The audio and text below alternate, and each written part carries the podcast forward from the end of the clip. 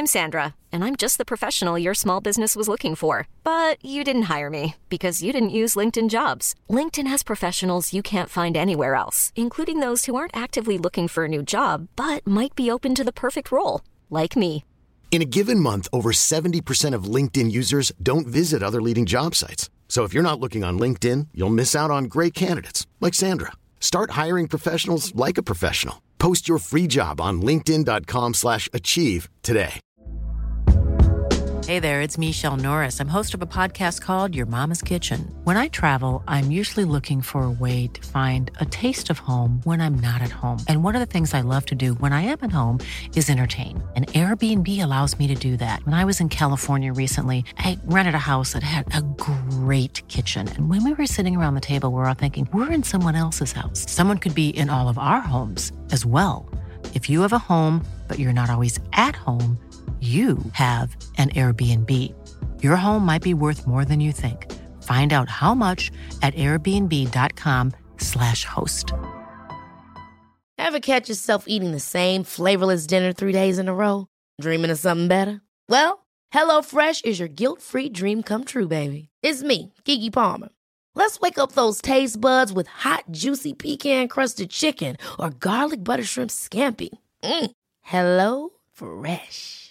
Stop dreaming of all the delicious possibilities and dig in at HelloFresh.com. Let's get this dinner party started.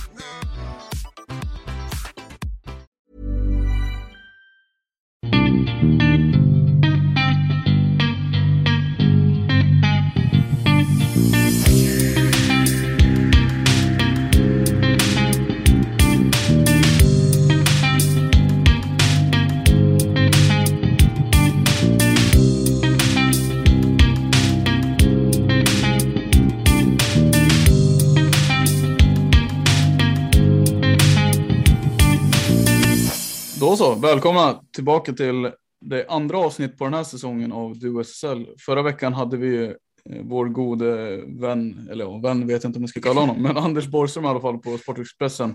Det här avsnittet blir också ett gästavsnitt som ni kanske förstått och eh, det blir en eh, lite speciell gäst vi har med oss. Eh, en person som har eh, valt att lämna SSL-livet lite grann. Eh, men det ska vi gräva mer i, i det här avsnittet. Välkommen till podden Kasper Hedlund. Tack så mycket. Hur står det till med dig den här slutet på maj? Är vi, hur mår du? Jo, men det är bra. Det är, det är mycket som händer i livet just nu, eh, även om det inte är kopplat till någon innebandy. Men eh, nej, det ska bli skönt. Med, jag ska snart byta jobb här och gå snart in i lite semesterperioder. Så att, eh, nej, jag mår jättebra. Trivs jättebra. Vad är, det, vad är det för någonting du jobbar med nu och vad är det du ska byta till?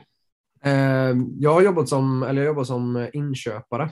Så jag jobbar som inköpare på ett eh, belysningsföretag.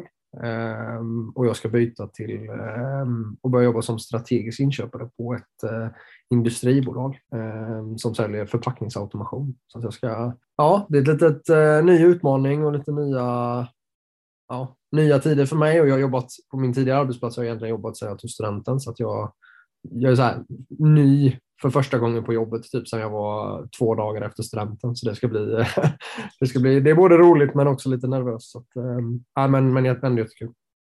Det lät ju som en be- bekanta territorier. Alltså det är inget helt nytt vägval eller vad man ska säga. Eller? Nej, exakt, utan det, det är mer en, en, en, eh, alltså en ny utmaning fast ändå någonting jag har gjort kan man säga, fast det blir ett steg, ett steg upp kan man säga.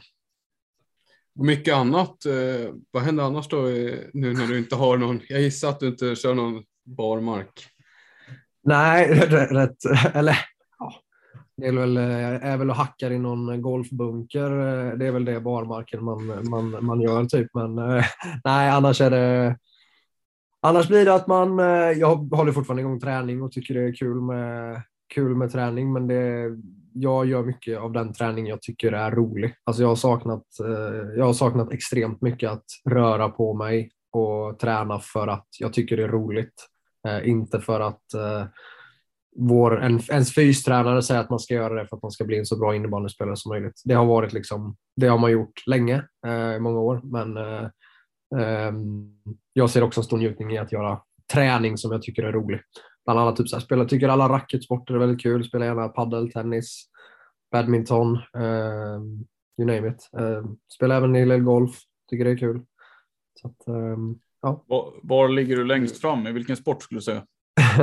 ja, alltså jag är väl en medel... eh, Jag, är väl ganska, jag, har ganska, så här, jag är ganska lätt att snappa upp det, så jag har en snabb, en snabb lä, upplärningskurva. Liksom. Men sen, eh, sen brukar det stoppa när jag slutar, när jag inte kan, inte kan nörda ner mig och lägga så mycket tid jag vill. Men, eh, ja, men det är väl golf eller typ pingis är jag riktigt bra på. Pingis är jag riktigt bra på. Det skulle jag säga är nog, är nog kanske det bästa.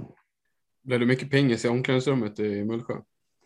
Nej, jag köpte, jag köpte ett, något litet. Jag kommer ihåg jag köpte någon sån här minibord för många år sedan, men det, det har vi lagt ner nu. Men vi spelar en del på jobbet och där är det ju... Där är man obesegrad, så det känns bra. du lämnar jobbet som obesegrad. Ja, ja jag, vet, jag vet. Min chef vill alltid möta mig om jag säger det. Ja, men ja, han är glad om man tar tio bollar typ. På sätt. Vill man ha löneförhöjning så är det kanske lite jobbigt. Ja, jo, jo. Det, men det är, det är som tur var på min gamla jobb, så jag är ju en dead man walking redan där. Så det, Mm. Ja. Ska vi... Ska vi köra en faktaruta? Ja. Ja, men det ska vi väl börja med något så enkelt som ålder. Eh, snart 30. Position, eh, när du spelade. Eh, ja, när jag var yngre så spelade jag alltid center eh, tills jag i en eh, distrikts eh, fick för första gången spela back när vi var i, ja, i SM-final i P17 i, i Nyköping. Då spelade jag back hela, hela sadden och sen så då gick jag trean på gymnasiet och sen dess fick jag vara back i Mullsjö också. Jag har laget. Men jag bytte ändå ganska sent när jag var 17, 17-18. Sen dess har jag varit vänsterback Familj. säger man. Förlovad är jag. Har eh, mamma och en stora syster. Sysselsättning har du väl svarat på. eh, Ja. Mm. Mm. Kanon. Eh, snart 30. Som sagt, eh, du är inte jättegammal egentligen. Men här sitter vi ändå med dig som innebandypensionär. Har du tänkt någonting, eller har du tänkt någonting själv på att du är, så, att du är väldigt ung ändå? Um, ja, nej. Så jag, vet, jag vet inte, det, det är väl rätt, eh, det är rätt intressant det där, för jag tycker det är många som, det är många som ställer frågan till mig, eller har fått frågan rätt mycket hur det känns och sådär. Och, och många frågar även, har även frågat mig liksom, hur, hur gammal blir en innebandyspelare och hur länge spelar en innebandyspelare? Och någonstans så som innebandyn är just nu, att det är en, för många eller för de flesta, en deltidssysselsättning eh, så handlar det rätt mycket liksom om prioriteringar och hur man hur, man väl, hur, hur människor väljer att leva sina liv och hur, man, hur högt man prioriterar innebandy. Eh, och hur länge man kan göra det. Eh, och jag tror att det blir för många svårare och svårare ju längre tiden går. Ehm, och ehm, alltså om man tar, om man tar till exempel det, här, det, det finns många som slutar på grund av att man vill kanske satsa på en jobbsituation. Det finns en begränsning för att ah, men nu, nu vill jag ta karriärsteg och det innebandyn är en, ett, ett hinder för det. Det måste inte vara det, men det kan vara det. Vi har även familjesituationer. Jag har haft liksom, jag vet till exempel, jag har haft några spelare där, eller i vårt lag, liksom där, ja, men när man jobbar man heltid och sen är, är borta och spelar innebandy, då är det någon, om man har barn till exempel, då är det någon sambo eller fru hemma som behöver dra ett, ett otroligt tungt lass. Um, så att det, det är snarare sådana saker som sätter begränsning, oftast ska jag säga, än själva det fysiska och det kroppsliga. För att eko, den ekonomiska ersättningen är inte liksom, sminkar inte över det andra, om man säger så. Um, för, för många. Så att, säga. så att, så att um, det är ju väldigt svårt att säga liksom, hur, hur länge kan en innebandyspelare spela, men, men någonstans i min, i min, eh, i min, eh, mitt huvud har det blivit liksom att jag känner mig jag känner att jag spelat så mycket innebandy. Det finns en tid för mig nu där jag vill göra annat med min tid. Jag, jag älskar innebandy. Jag älskar att spela innebandy. Men jag vet vad som krävs för att göra det på högsta nivå. Och jag har också varit en person som inte kommer till träningen och liksom bara tränar. Jag är där, jag är helt 100% investerad och committad i lagets resa, hur varje träning ska gå till och liksom att, att jobba mycket med, eller säger man, väldigt fokuserad på utveckling och att vi har ett mål. För vi har ju ändå varit ett lag som de sista åren slåss om att vinna SM-guld och då är det ju inte bara att gå till träning och gå hem. Då är det liksom, då är det fullt, fullt fokus på varje träning och man är helt dedikerad när man är där. Och, och Det känner jag att jag har gjort väldigt mycket och jag är ganska jag tror att jag är mentalt trött på att vara elit i mitt mindset. Alltså det är mycket det det handlar om också. Att man har ett elittänk i sitt mindset där jag har varit liksom ja, men, träning är träning och match är match och liksom varje match är otroligt viktig. Jag har haft svårt att kanske slappna av under min karriär. Um, men det, gör också, det har också varit en del av min framgång att jag har varit extremt fokuserad och varit duktig på att vara fokuserad hela tiden. Um, men det gör också att jag har mentalt tröttnat på att vara på den elitnivån i mitt huvud. Det låter som att du har tänkt ganska mycket på det också. Ja, alltså jag är ju en ganska, jag är inte en speciellt impulsiv person. Jag är ganska eftertänksam och ganska analytisk. Liksom. Eh, så det är klart att det är ett, det är ett beslut som har, har växt fram över tid. Ehm, och ehm, jag, visst, jag, liksom, jag, har varit, jag har varit lyckligt lottad med att jag har varit en sån person som du vet, säsong 13, du vet, alltså det är fortfarande så här klockan 16 på jobbet så tycker jag fortfarande så här, åh fan vad roligt, nu ska jag åka och spela innebandy en måndag i november. Förstår du vad jag menar? Alltså jag har kunnat vara riktigt här nördig i att jag tycker det är kul att träna. Jag är inte bara sån som, du vet vissa kan ju leva för lördagsmatchen eller sista perioden i slutspelet, men jag har älskat hela resan. Jag tycker det är kul att spela innebandy. Jag tycker det är kul varenda liksom, minut man är på planen. Oavsett om det är träning, oavsett om det är match. Men den dagen jag inte tycker det, då har jag mycket svårare att motivera mig över tid. Förstår man? Då blir, så fort jag liksom inte tycker det är roligt att åka till träningen på en måndag, tisdag, onsdag, torsdag, mm. då kommer jag direkt tycka att den kalkylen inte går ihop. Att ah, men då, herregud, det här är ju alldeles för mycket tid för att bara det ska vara roligt på lördagen. Förstår ni vad jag menar skillnaden?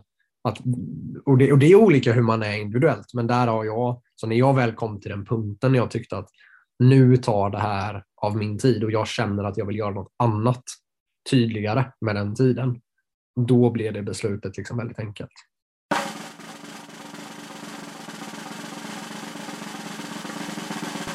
Så det är inte det att jag inte tycker det är kul att spela in i man längre. Det är inte det det handlar om. Utan det är att jag vill göra annat med min tid som jag tycker är roligare. Vilket också är skönt att man känner att man inte slutar för att en, ens kropp är helt färdig. Liksom. Det är klart jag har haft lite skavanker, men det är inte bara det. Utan jag, liksom, jag känner att jag slutar på mina premisser. Vilket känns bra. Och du nämner ju det att jag vet att du pratade ut i Sportexpressen om ditt uh, avsked också. Och det finns ju andra saker som har uh, kommit in i ditt liv också som du mm. vill upptäcka och uppleva. Du nämnde här i mm. faktarutan att du, du är förlovad till exempel. Ja, ja. Uh, att berätta om de bitarna. Ja men alltså det var ju, jag, alltså, jag träffade ju liksom jag träffade 2019, hösten 2019 så träffade jag liksom min livs stora kärlek. Liksom. Där vi, eh, det var sådär efter, ja, men efter, ja, men efter tre, två, tre månader. Vi var ändå liksom, vi pendlade mellan Göteborg och, eh, och uh, Göteborg och Jönköping och sågs liksom så bar, mycket vi bara kunde. Liksom. Um, och det var någonting som bara klickade helt direkt. Liksom. Jag har aldrig känt den känslan någonsin och jag känner den än till idag. Liksom. Så jag blev ju tokkär. Liksom och är tokkär. Och det var bara en pusselbit i livet som och som jag även skrev i mitt avsked, liksom, någonting som kanske innebandyn inte har gett mig gav mig liksom en, en, en, en pusselbit i livet där kanske du vet ett VM-guld, ett SM-guld har alltid känts som ett tomrum men helt plötsligt kände jag att jag fick livets pusselbit lite om ni förstår vad jag menar. Att liksom, ah, men ah, okej, okay, men här, det här är liksom, det, det andra spelar inte så stor roll. Nu har jag fått den pusselbiten i mitt liv som är absolut viktigast. Um, så då, så, och jag känner att eftersom att det blev covid också så har vi inte kunnat göra så mycket.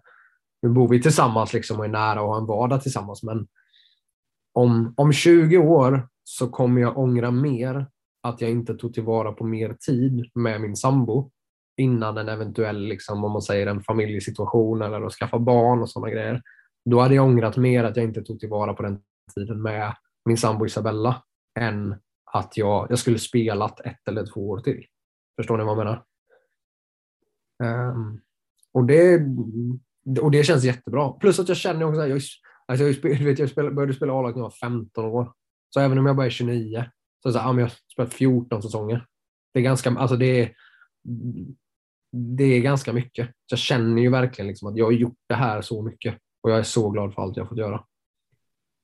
Ja, du, exakt det du säger, du kom upp så pass tidigt och ska mm. man tänka en 14 säsonger lång karriär, eh, om du kommer upp i SSL som 20-21-åring som många andra gör istället, då är du ju uppe mm. på den åldern 34-35 när det är, ja, då lägger du av liksom. Alltså, mm. så att ser, man, ser man det på det sättet, då är det inte konstigt heller. Och då är det ju väl i fler, fler fall än färre så är det väl också då, då är det ju skador inblandade. Så mm. absolut, alltså det, det måste man ju tänka på såklart. Mm. Mm. Men... Och det var någonting jag fastnade på. Eh, det sista du sa Kasper, vad var det du nämnde där? Um, var, var det att jag spelat många säsonger eller var det att jag... Mm, ja, du, du har varit med om så mycket, du har spelat så mycket. Ja, men att liksom, jag, jag, man, man, kan säga så här, jag känner ju, vet, man, bör, man börjar ju känna liksom när man ibland pratar, du vet när man ibland pratar minnen eller man ibland pratar liksom ja, kommer du ihåg när vi gjorde det här? Eller kommer du ihåg den säsongen? Eller kommer du ihåg det slutspelet? Liksom? Och när man börjar ibland prata i de termerna. Man har alltid varit så upptagen i liksom, att ja, men vadå, vi i Mullsjö som är mitt i slut, brinnande, liksom, ta oss till Globen. Liksom. Och så har ju vi varit i sex år, men när man sen börjar fundera på liksom, att så här, just det, fan den säsongen, ja det har varit några säsonger nu mellan den säsongen och där man är nu. Att liksom det, eller när man liksom kommer, du vet klassiska när man kommer in i hall, du vet om man man märker också tydligare att det kommer in unga spelare, liksom att generationen i laget förändras också på ett speciellt sätt där man liksom också blir påmind om att oj, nu är det jag kommer väl ihåg när jag var 22 år och var mitt i hjärtat av eh, drivkraften. Och det jag är ju fortfarande såklart, men att när man var mitt i liksom uppe i detta och det var det här man skulle göra och så liksom bara shit, där är ju, just jag har ju varit där och jag är inte där. Alltså man blir, man blir påmind om att där är man inte längre. Och då börjar man liksom komma, just det, jag har ju fan, jag har gjort det här rätt länge alltså. Är det, är det en jobbig känsla liksom? Är det lite vemod där? Nej. nej, jag älskar att bli gammal. nej, jag, nej, jag är inget, alltså så här, jag, är inte, jag är inte så sentimental. Jag är inte så sentimental. Jag är mer, jag är mer glad för det jag har fått och känner en otrolig liksom, tacksamhet för att jag har fått göra detta. Mycket mer tacksamhet än liksom regret eller om man säger så. Och det är ju ett sätt att se på livet såklart, men ja, var kommer den ifrån? För det är ju det är inte alla som fungerar på det sättet. Ja, men jag tror att jag tror att jag nog, eh, jag vet jag har pratat lite om, eh, jag vet inte om jag pratade med Mikael, men jag, jag som person egentligen har nog varit ganska, alltså jag har nog varit en person som kanske har tryckt undan liksom vissa känslor, att varit väldigt selektiv med känslor. Att jag har varit sådär, en person som liksom känner man Känner man känslan av ånger eller liksom, då, vet, då kan jag liksom kom, tänk, komma på att ja, men det är ingen bra känsla. Då skiter jag i att känna den känslan. Förstår du vad jag menar? Vilket mm. inte är någonting som behöver vara bra. Det här behöver inte, det är inte alls bra att, att förnekas det man känner. Eller liksom att man, om, man, om man tar ett bra exempel på hur det här kan ta uttryck i mig som idrottsperson. Om man tar en innebandymatch till exempel. Så tar man att man kan tro att alla är, du vet man pratar ofta i omklädningsrummet om att så här, men nu ska vi älska läget. Alltså innebandy och att uh, spela slutspelsmatcher, det har för mig varit en lidelse. Jag har inte njutit innan en match för att nu ska det bli så kul att spela innebandymatch. Utan är, man är skitnervös, man uh, vill inte göra bort sig, man har känslor av kata, vet, katastroftankar av tänk om det går åt helvete. Men jag har också lärt mig att liksom ja Kasper, det är okej okay att känna de här känslorna. Det är helt okej. Okay. För du, är bara liksom, du kommer inte bli någon som älskar läget. Alltså liksom, det, det, är inte min natur, om ni förstår vad jag menar. Däremot, det jag har lärt mig, det jag har lärt mig att hantera mina känslor på ett sätt att när de väl kommer så har jag lärt mig att tänka, men Kasper, du är jätteduktig på innebandy. Det här kan du. Du har gjort det här så många gånger. Och när man har börjat göra det och liksom börjar acceptera sina känslor och hantera sina känslor och inte bara du vet, matar in i huvudet. Du är inte nervös Kasper, du är inte nervös. Bara, jo, det är du. Och det är helt okej. Okay. Det får man vara. Och du har varit nervös och gjort mål innan eller liksom gjort bra matcher innan. Så kom istället ihåg att du har kunnat övervinna dina känslor eller dina, liksom, kunnat prestera även om du, alltså, vad säger man, prestera även om du har negativa tankar. Och då är det lättare att inte bli, bli lika uppslukad av de negativa tankarna.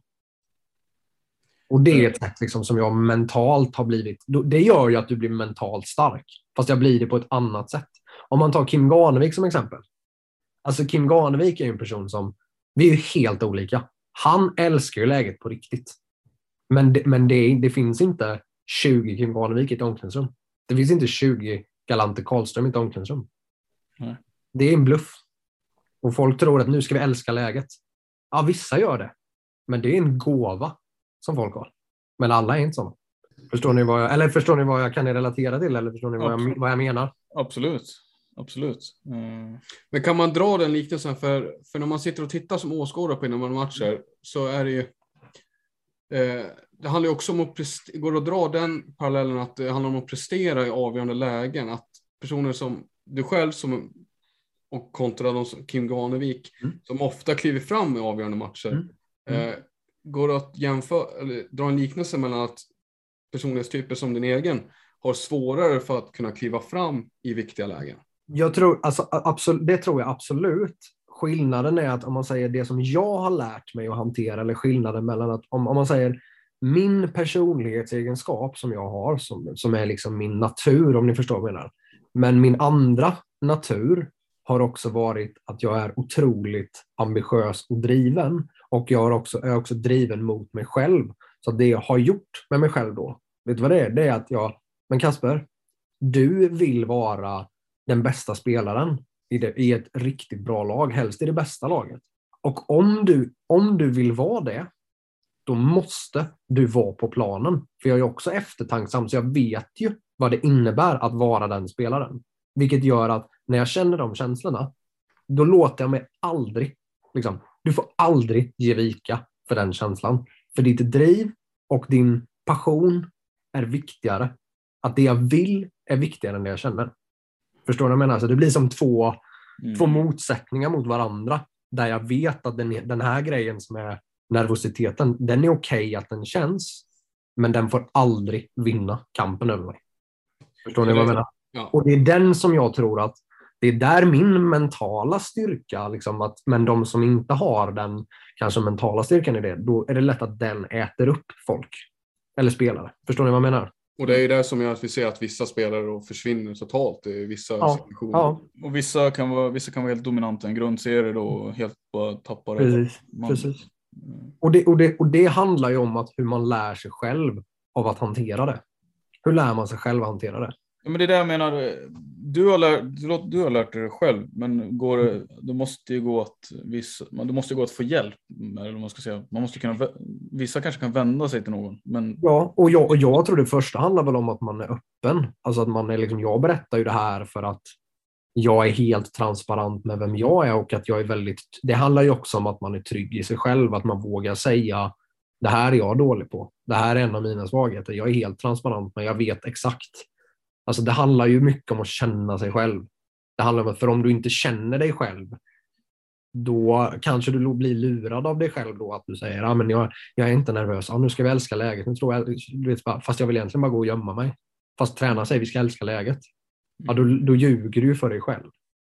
Alltså det, och det har jag varit väldigt liksom tidig med att lära känna sig själv och veta vad en styrka är, veta vad en svagheter är.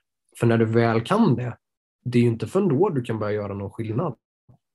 Och när kom du underfund med det här? För jag menar, hur, det kan ju omöjligtvis vara så att man som 15-åring, jag har svårt att tänka mig att särskilt många 15-åringar tänker så i alla fall när man kommer upp på högsta nivå. Är nej, nej jag, jag tror, alltså, vad kan jag varit liksom? Alltså, jag tror, men jag tror, jag tror liksom att jag, jag vet att när jag var, jag, när jag var yngre i min innebandy, tidig innebandykarriär, jag var en ganska liksom, ja, jag vet inte om ni kommer, jag, jag vet inte, kommer ni ihåg, nej, kommer ni ihåg någonting från när jag är liksom 15 till 20 typ? Nej. Jo, ja, jo. det var lite, ska, vi- det var lite skada där. Ja, men i alla fall. Det, det, ja, men generellt sett var jag en ung talang som hade bollkänsla, men inte var en speciellt hårt arbetande spelare. Jag var en, liksom en, jag var en, en jag hade känsla och spelintelligens. Liksom. Jag har levt mycket på det. Men jag, det var ju så här, det var ju fortfarande så här, ja, men man vill inte bli för svettig liksom, och man ska inte täcka för mycket skott. Alltså, det var inte, jag hade, ingen, jag hade ju ingen, ingen inställning eller attityd whatsoever. Liksom. Nej, nej, nej. Och sen så när jag blev 20 så fick jag ju skada i mitt knä och sen så var det ett år där det var så här, jag satt med Micke Hill, Micke Hill var ny tränare. Och så satt jag med honom och bara, jag vet inte om jag ska fortsätta liksom, för mitt knä har varit sådär och jag vet inte riktigt hur det är. Och sen så var det så här bara, då, då bestämde jag mig då för att okej, okay, nu ska jag fortsätta. Jag var 21 tror jag. Och då var det så här, okej, okay, men Kasper, om du ska vara på den nivån som du kan, alltså ska du, vill du, du vet att du kan vara en av de bästa spelarna i världen om du, om du gör, alltså liksom du har den förmågan om du förstår vad jag menar. Men vad behöver du för att kunna visa det eller för att kunna vara på det stället? Jo, ska du spela sista tre minuterna i en slutspelsmatch eller om du ska spela sista två minuterna i en, vi säger en VM-final som var min ambition, liksom. ja, men då måste du vara bra tränad. Då handlar det om att då måste du kunna vara bra tränad, för det är en viktig del. Och jag har haft anlag för att vara bra tränad. Ha en bra grundkondition. Jag har aldrig varit snabb, men ha en bra grundkondition. Men då började jag ju lära mig att träna hårt. Jag lärde mig liksom att när det är träning, då är det full fart hela tiden. Och då, det börjar liksom med fysträning. Alltså med fysträningen. Så då var det jag och Adam Fransson som började liksom, och det här ska ju sägas i tiden när Mullsjö liksom vet, knappt tagit sig till slutspel. Vi gjorde en stor kulturskillnad i liksom att nu ska vi träna hårt i Mullsjö Så var det jag och Adam Fransson som gick liksom i bräschen för det. Och vi tränade stenhårt och la kulturen i Mullsjö kan man säga förändrades. Och det blev vi liksom belönade med slutspelsplats och jag fick göra landslagsdebut.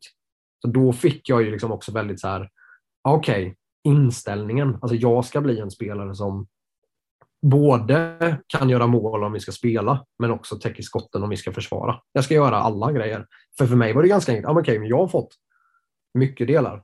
Men att, att vara en hårt arbetande täcka skottspelare, ja, men det, kan man, det är ju bara välja, alltså det är bara välja att göra. Så jag lärde mig att ha bra inställning och attityd också. Och en ödmjukhet till försvarsspel också. Liksom. Så den poletten, det tog några år för dig innan ja. den trillade ner? Liksom. Absolut, absolut. Sen har jag ju lärt mig då liksom att okej, okay, men sen har jag ju förstått, för jag kan ju bli ibland frustrerad när jag märker att vissa har den ena egenskapen och så har de inte det andra. Att liksom, okej, okay, för jag menar, ska du bli, ska du bli Ska du bli bäst så måste du vara bra på mycket. Liksom. Alltså det räcker inte med, alltså man tar, om man tar, jag tycker så här som backar som, ja men ta typ Emil Johansson till exempel, som är liksom, ja men han är grym med bollen. Men, det är ing, men han får ingen cred för hur duktig han är utan bollen. Han får inget, väldigt lite cred för de andra sakerna han är grym på. Men det är ingen, det är ingen som ser eller uppmärksammar, tycker inte jag i alla fall. Som gör att liksom, ja men det är inte bara, det finns massor som är gudabenådade med boll, med boll och klubba. Precis som han, han är ju exceptionell. Men att han kan göra det på den nivån är för att han har allt det andra. Ta Galante Karlström som är, som jag tycker är liksom ja men vi tar liksom alla, han, ja, han gör så mycket mål, han gör dittan dattan. Ja, men alltså när, jag, när jag har varit med honom lite i landslaget och liksom har lärt känna honom och liksom ser vad han gör eller möter honom så ser man att han är helt prestigelös, han är en ledare, han tränar stenhårt, han är jättebra tränad. Han gör ju mycket mål för att han är, har en bra kondition. Eller att han är helt prestigelös i spelet. Han skjuter sina skott, men han är också en som passar. Han är ingen liksom diva. Om ni förstår vad jag menar. Han har ingen prestige, han passar när det är bättre att passa. Medan det finns vissa spelare som, du vet, ja, men de, de är inte så bra i spelet för de vill inte släppa bollen. För att nu ska bollen gå fort. Förstår du vad jag menar? Så mm. jag tycker det är många spelare som får cred för det som är väldigt enkelt att se. Men man ser inte vad som är en väldigt stor del av deras framgång också, tycker jag. Tycker du att du fick man... Ja, och, och där vill jag lyfta tillbaka till dig. Eh, tycker du att du fick för lite cred för din defensiv? Nej, men alltså, nej, men alltså, jag, jag, kan, jag, kan väl, jag kan väl säga så här att med, med, med min... Alltså med min... Med min speed, alltså med min otroliga, otroligt dåliga speed. min otroligt obefintliga speed. Ja, den, ja. Så skulle jag, så skulle jag, alltså jag ska inte säga, jag ska inte säga, jag men, det, liksom, det handlar inte om mig, det handlar mer om någonting generellt. Men jag menar att jag har ju också märkt liksom att så här, okej, okay, hur, hur kan jag som är hälften så snabb som vissa klara de här sakerna? Du tog det till landslaget på, på, på den där spelen? Ja, men, men li, lite så. Lite så. Uh, och det, för det handlar mycket om, och jag menar, ta, vad fan, det är också en sån grej, ta Emil Johansson då som väger 60 kilo. Märks det att han är tunnast i landslaget? I, nej, det är för att han har en benhård inställning och attityd och kan flytta på lätter för att han har, en, har ett hårt pannben liksom, och en bra inställning. Och en bra attityd. Han förlorar inte många Nej, och det är bara skalle. Liksom. Som defensiva. Mm, och det är skalle liksom. Mm. Mm. Ja, han har ju också finska gener. Ja, det har man ju Sisun där. Ja. Mm. Han Och norrländskan. Jag är, jag är väldigt glad att han valde att spela i Sverige, Sveriges tröja. Ja, det hade varit jobbigt om han spelade i Finland tror jag. Då hade vi inte vunnit många VM-finaler det här decenniet. Tror du inte? Nej. Nej. Jag tänkte på, du sa ju det, när du pratade om att göra mål, att du vill vara den som gör mål och inte bara är liksom, alltså du pratar om att göra mål rent offensivt så här, men att det är inte det du är känd för, liksom. det är inte din profil så att säga. Eh, Jag skulle vilja prata om dem. Jag vet att du har pratat mycket om passningarna tidigare, längre tillbaka i tiden. Jag tror att, jag vet inte om du såg dem, men de här grejerna som Larne gjorde när han höll på på Larnes YouTube klassiker. Den, och på Youtube där och höll på sådär. Men alltså de där passningarna eh, har man ju sett en del av. Liksom. Jag, jag får ju fortfarande skit för att jag äter ärtor. Kommer att jag åt ärtor innan? Jag får ju fortfarande- ris, vad var det? Ris? Det är bara ah, ris, kyckling, ärtkungen får man fortfarande. Jag blir så väldigt bland. Det är inget fel på ärtor. Nej, absolut Nej, jag- inte. Ah, Jag äter fortfarande ärtor. Nej, den, den kulinariska, kulinariska utvecklingen har fortsatt som tur är. Nu minns inte jag om du utgav, alltså om du påstod att det var liksom en rutin eller, om, eller hur det var. Men, Nej, nej. Jag käkade mat och så är det väl bra, är det väl bra med någonting grönt med. ja. Ja. Är det, är det alibi-grönsakerna? eller? Ärtor liksom? Kan, det vara, kan ärtorna vara alibi-grönsakernas alibi-grönsak? Ja, det tror jag. Möjligen. Ta upp dem i frysen och lägga. Ja, exakt. Ja, nej, men det var en bra video. Men Samme, du skulle komma någon vart Ja, med det här. Ja, men det, jag tror ingen av oss som har sett dig spela som center. Liksom. Men eh, var, var det passningar du hade som specialitet då också? Eller var det mer, kom det senare? Ja, men, ja, nej, nej. Alltså, alltså ett bra, en, bra, liksom, en bra speluppfattning är väl alltid det som eh, Mm. är väl allt, alltså en bra, en bra, en bra förmåga av att se planen liksom. Alltså det, är- det är mycket det. Um, sen är det tror jag lite, alltså lite intressant det här med typ, alltså det finns lite olika speluppfattning tycker jag. Eh, att vissa har ju att typ, ta, vissa har ju speluppfattningen där de kan liksom, du vet, springa med bollen och sen så väljer de sen vad de ska göra. Vet du vad jag menar då? Vissa är ju det här, ja men gör jag detta som back mot en spelare så gör han det andra och gör jag det andra så gör han liksom det är väldigt mycket så som backar, väldigt mycket rackarspel när det är liksom, ja men den här spelaren gör alltid så. Ja men då, är, det liksom, då vet jag, okej hur ska jag möta det? Men så har du vissa spelare som de är situationsanpassade spelsinnen liksom. Men jag tror skillnaden, jag är nog lite mer, så- jag är lite mer så här old school i det att så här, jag ser, ju- jag har ju liksom läst på mycket innan. Så att jag vet ju liksom, ja, men de här scenarierna är vanliga. Så att det här är vad jag, liksom, jag läser en situation innan. Och sen om någon skulle bryta det mönstret, då skulle jag fortfarande göra samma sak. Förstår du vad jag menar? Mm. Alltså det är det som är, det är kanske min begränsning lite liksom att men jag läst en situation innan. Men skulle någon annan bryta det mönstret och bara säga, ja, men jag vet att Kasper Edlund alltid gör så här. Då hade jag ändå inte haft förmågan att inte göra det. Förstår du vad jag menar?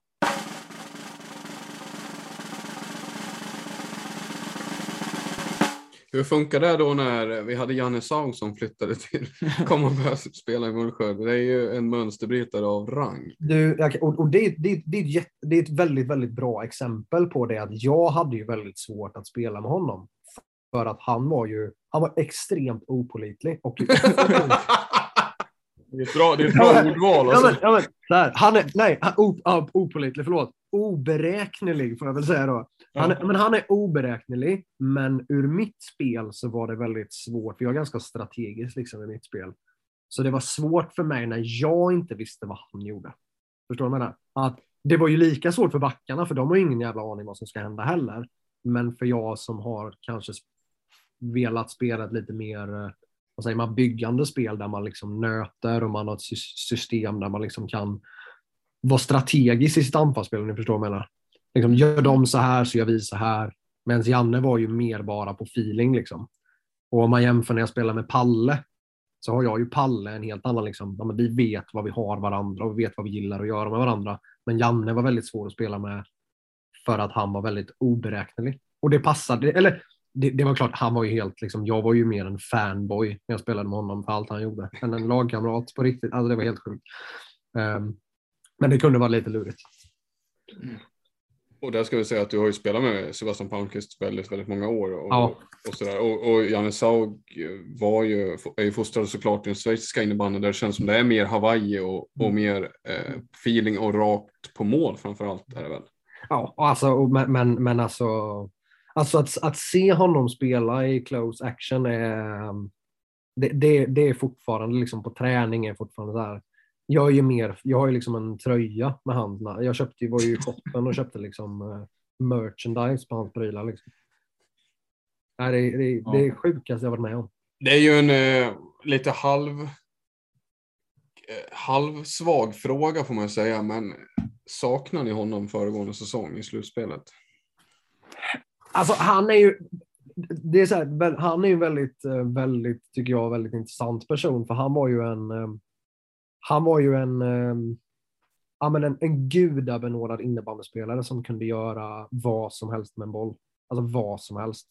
Och, och han var ju den här X-faktorn, om ni förstår menar. Han var ju verkligen den här X-faktorn som kunde, kunde få liksom göra mål av ingenting. Det kunde vara ingenting och sen helt plötsligt hade Janne dragit upp tre bollar i kryssen från ingenstans. Spelade vi bra? Nej, men han snodde tre bollar och liksom gjorde mål.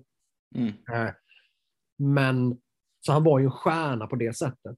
Sen var han ju det som var väldigt bra med, eller bra ska jag säga, men sen kunde han ju vara lite utanför ramen på andra sätt. Ehm, men det som var positivt med honom var att han, hade ju, han var ju väldigt enkel, han smälte in i gruppen jättebra, han, hade, han var jätteödmjuk, han hade inga, inga behov av att stå i centrum. Han ville liksom inte... Han, förstår ni, han hade inga ledaregenskaper som spelare, men han tog heller ingen plats, vilket gjorde att liksom, han gjorde sin grej och vi lät han göra hans grej och vi, han skulle göra sin grej. För det var då vi hade som mest nytta av honom. Men han blev ju ingen kärnspelare på det sättet som liksom en... Förstår ni? Jag menar de här, liksom, de ja. som man alltid kan lita på gör sitt. Han var ju inte en sån superspelare. Nej, Nej och, och om jag får säga det, när ni stod klart att ni plockade in honom där för, Mm. vad är det, ja, det är några år sedan nu, men Mm. det är ju inte den typiska Mullsjö AIS-spelaren heller. Nej. Nej. Nej, alltså verkligen inte. Och det, och det är ju liksom, sen är det klart, är du den där spelaren som han var liksom till spelartyp och som person, har du ett stort krav av att liksom, ah, men jag ska jag ska alltid spela powerplay eller jag ska alltid liksom ha de här förutsättningarna. Liksom att har man höga krav i gruppen och är den personligheten som han var, då hade det varit svårt. Men eftersom att han var en sån otroligt, liksom, alltså, ja, men på ett sätt jävligt kravlös liksom, och bara spela Mm. innebandy. Och var väldigt, det, var väldigt, det var väldigt härlig. Han var en väldigt härlig person att ha i omklädningsrummet, för han var väldigt avslappnad och bara, det här är bara innebandy. Vad fan, vad var jag nervös för? Det här är bara innebandy liksom. På ett jätte, jätteavdramatiserat, härligt sätt. Så han var ju en, han var en otroligt eh, härlig karaktär och fantastisk innebandyspelare har i vårt lag. Men som du säger, inte, inte en typisk innebandyspelare, men också kanske någonting Mullsjö har saknat. Så länge man har, så länge man inte tappar bort kärnan. Nej, det kan man väl inte säga att eh, Mullsjö har gjort, eller vad tycker du Samuel? Nej, eller, nej, jag är inte orolig över det. Liksom. Eh, Är du orolig över det, Kasper? Över, eh, Över att den kärnan kanske är på väg att försvinna? Eller så. nej, alltså, det är väl klart att det, det är väl klart att vi har, eh, det har väl inte gått någon obemärkt förbi liksom att vi har haft en del tunga tapp sista. Eh, och inte kanske kunnat ersätta det på pappret med, de, eh, med det vi har tappat. Liksom. Eh, men det är också lite så här, ja, var sak har sin tid liksom och det, det, det är också nyttigt att det behövs nytt. Liksom. Alltså det kan inte alltid vara kvar i gamla, gamla mönster och gamla hjulspår för alltid. Liksom. Jag tror det är jättebra när det liksom kommer in kommer in ny energi, ny, ny liksom, eh, andra spelare som kommer behöva ta andra roller och se liksom vilka, vilka som kan utvecklas till, till eh, jag menar, Mullsjö gick ju inte från att vara vi värvade inte oss till och helt plötsligt var vi ett slutspelslag. Alltså, jag menar, jag och Kim Garnevik var bara juniorer. Mm. Vi spelade. Alltså, så här, det, det var ju också många spelare som var, kolla på Växjö tycker jag är ett bra exempel, Kalmarsund är ett bra exempel. Det finns ju många spelare som har liksom varit, ja men det här, Linköping också, det här var allsvenska spelare som sen blev SSL-spelare, som sen blev slutspelspelare, som sen blev landslagsspelare. Så att det finns ju liksom en, en resa att göra för spelare också. Mm. Hur, eh, du- säger ju fortfarande vi och så här om Mullsjö så är det, vad har du för typ av relation till föreningen när vi pratar nu? Liksom? Eh, har du någon, är du involverad i någon roll och sådär? Eller? Vad, vad är sagt? Jag pratade med Jeppe här för en vecka sedan, Axel. Då sa han det bara. bara vi, hade, vi hade ett möte med staben. Vi hade ett möte med staben. Sa han. Eller, nej, inte med staben, men det var med liksom staben och någon sportklubb. Så här, bara, och vi pratade om vad vi ska göra med dig nu. Mm. Schysst att man blev bjuden på... Nej, men det var så här, ja. Nej, men, eh, men eh, just nu eh, tycker jag det är jätteskönt att bara få vara ifrån det lite. Just nu är det liksom recharge, um, tänka på annat och landa lite i det andra. Um, innan. Men sen är det så, liksom, Mullsjö kommer ju alltid vara, alltså, även om det inte är mitt lag, och min, alltså, liksom, det kommer alltid vara mitt hem. Liksom. Det kommer alltid vara det var riktigt sentimentalt när jag var ute och, jag var ute och plockade ner plockade ner du vet, så här skåpet, alltså liksom mm. skåpet i, och lådan liksom i hallen. Du vet, så här. Den här, jag har suttit på samma plats som vi byggde hallen 2008. Alltså, det är här, varje dag, alltså, det är så här, här är mitt skåp med mina prylar liksom. Och bara bort med det. Det, det är ju liksom, det är ju väldigt speciellt. Um, men i dagsläget har jag ingen, ingen um, jag har ingen plan nu på att göra någonting liksom, direkt. Ännu. Sen kommer jag alltid kolla på matcherna och jag kommer ha en dialog med, såklart prata med vår sport, alltså liksom, jag kommer alltid ha en dialog med vår sportchef och liksom den ledningen. Liksom och, och så. Men, um, men det är ju mer för att vi är ju vänner också. Alltså jag är ju nära vänner med Jeppe Axel och hela det. Den ligan. Så att, jag förstår ju att det är en sån ändå, vad ska man säga, liten förening så måste man ju bli tajt efter så många år. Mm. Ja, visst. Och sen framförallt har ju liksom, jag har ju varit jag har ju varit också väldigt involverad i, alltså jag har varit involverad i vårt, alltså liksom, jag har varit väldigt, jobbat väldigt nära som lag, lagkapten men också som liksom med framtidsplaner för laget, hur vi ska liksom Alltså jag har ju varit med och byggt laget också. Vilka jag har varit, varit, varit, nä, varit nära vår sportchef. Mm, mm, mm. Om du förstår vad jag menar. Hur jobbigt var det för dig den sista matchen nu under våren? När du, ja, ja det stod, du hade ju bestämt dig innan, gissa. Ja, Nej, det var, um, det var um, Alltså man var ju fokuserad och så. Sen hade jag ju skadat mitt lår så jag satt ju på bänken hela sista matchen mot Falun där. Men sen liksom när det... Alltså det var ju när jag liksom skulle... Alltså jag kommer ihåg när jag skulle... Jag tackade ju liksom alla spelare där uppe i Falun och, och men sen liksom när jag hade tackat alla och bara... Ja, jag kommer ihåg liksom när jag skulle gå och tacka Wissman och Andersson då. Domarna liksom, då typ var det som att allt bara då brast ju typ allting liksom i, eh, då började jag liksom tok, tokgråta liksom för att någonstans är ju liksom, det här har varit mitt, en så stor del av ens liv och det har ju varit ens hem och det har varit ens natur liksom. Att göra det här är någonting, liksom, att, att spela slutspelsmatcher för full publik oavsett om det är i Falun eller i Uppsala eller hemma i Ny eller framförallt hemma i Nyhemshallen så är det liksom men det är ju allt, det är ju allt vad det har allt, alla timmar man har lagt har någonstans lett till det. Och eh, det var väldigt det var väldigt fint att faktiskt få avsluta uppe i Falun. Liksom. Jag har haft så otroligt många fina bataljer. Jag fick ett otroligt fint, fint liksom, jag gick runt och tackade dem och fick ett jättefint mötande tillbaka. Liksom. Och så, um, så det var, men det var, det var väldigt starkt. Det var jätte, väldigt känslosamt. Du, du har gjort dig känd som en, alltså, en schysst kille också. Liksom. Eh, jag antar att det inte var så mycket, jag vet inte, på planen. Det, det har inte varit så mycket eh, fula ord som sades heller? Eller? Nej, nej, det, nej, jag har alltid liksom, eh, det är väl något som har varit väldigt viktigt för mig, liksom alltid att, eh, att vara en bra förebild och liksom visa, jag har alltid, jag tror jag har alltid tagit min, min min roll och position som en förebild och man, liksom, man märker att om det är oavsett om det är mina nya lagkamrater eller om det är barn på läktaren eller om det är vem den är så om jag har någon typ av maktposition så tar jag alltid den på största allvar. Liksom. Att det, det, då handlar det om att göra gott med den och att du har en, inte bara en möjlighet att du har en jätterisk att skada om du gör fel, men du har också världens möjlighet att påverka på ett bra sätt. Och det är det jag tror liksom att jag har nog sett den. Det är nog en av de roligaste sakerna också med att ha varit duktig, liksom, att det kommer barn som vill liksom, bara tycker att men fan, jag, är, liksom jag är en helt vanlig kontorsarbetare. Men det vet ju inte åttaåringar som kollar på Mullsjös matcher. Då är jag Kasper Hedlund som spelar i Mullsjös A-lag. Förstår du vad jag menar?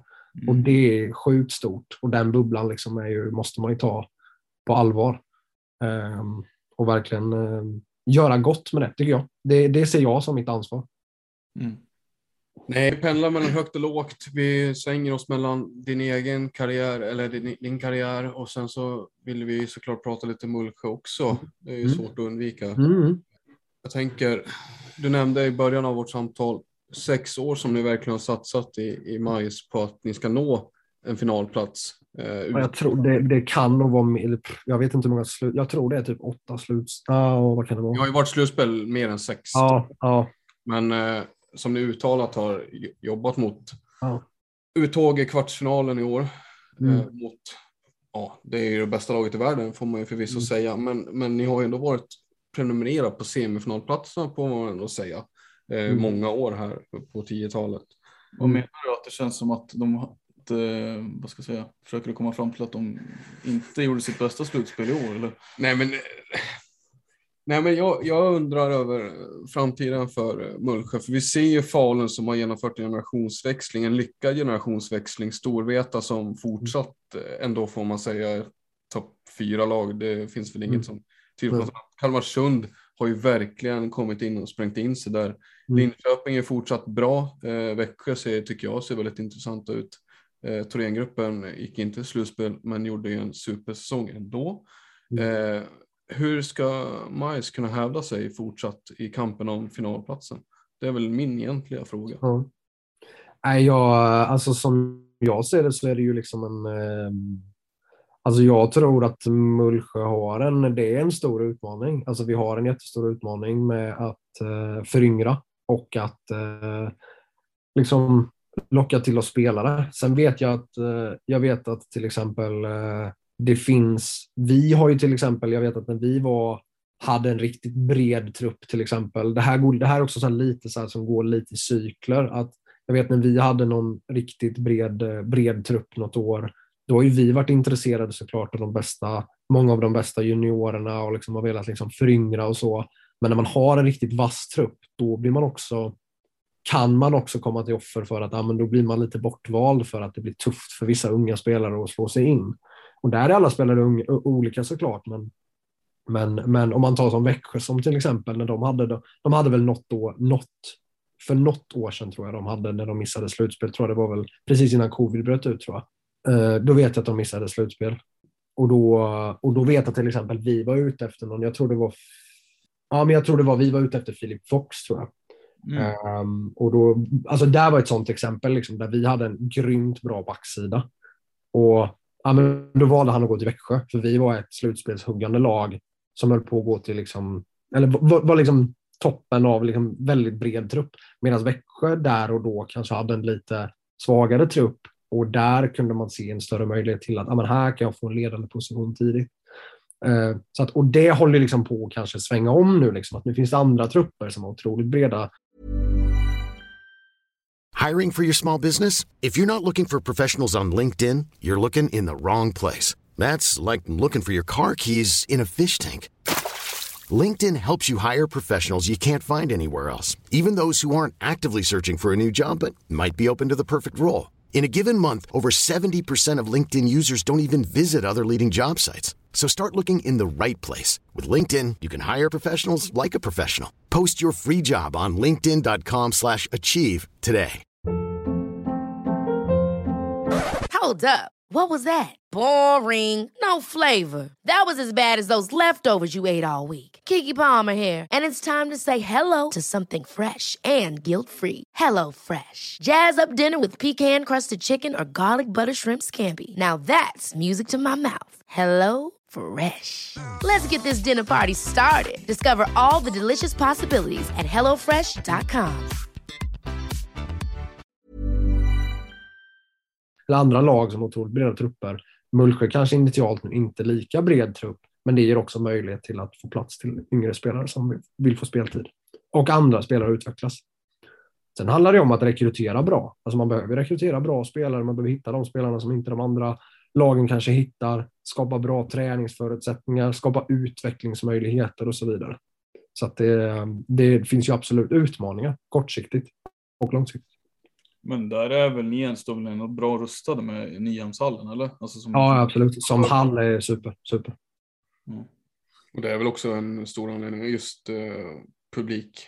Mm. Mm. Via publik måste man ju objektivt säga är en av Sveriges mm. bättre och framförallt slutspelstider så är det väl den kanske bästa mm. publiken. Jag vet inte.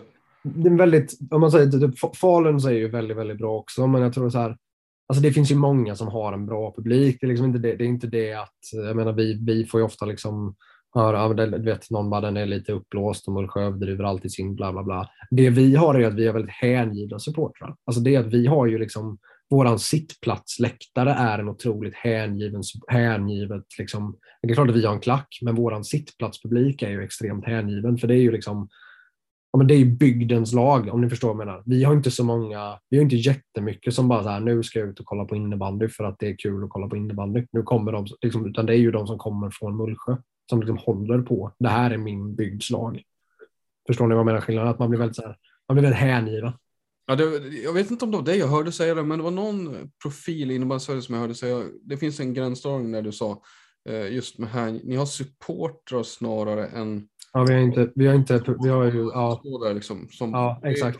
Du kan ha 1400 i, i Uppsala eller i Falun. Som, Nej, Linköping typ. Linköping ja. är ett bra exempel. Ja. Där har de ju publik, men ja. de har inga supportrar liksom på det sättet. Nej. Och det, är, och det är ju sittplatsen gör ju en stor skillnad. Förstår man att en klack, det finns liksom inte den klackkulturen, så sittplatsen gör ju den stora skillnaden. Mm.